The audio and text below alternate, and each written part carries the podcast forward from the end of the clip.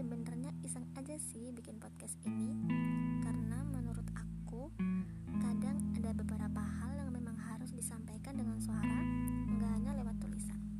Dan kenapa aku menamakan podcast ini dengan ruang pusing? Yang pertama karena aku suka pusing. Ya aku suka banget pusing entah kenapa. Selagi kita bisa pusing dipusingin aja dulu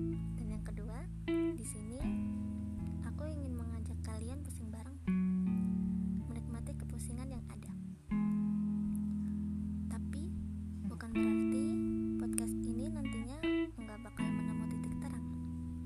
Karena nanti di ruang pusing di ruang pusing ini kita bakal menyelam bersama pusing bersama dan mencari solusi bersama.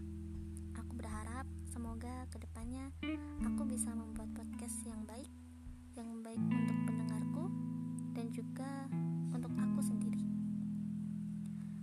kasih. Semoga kalian berkenan.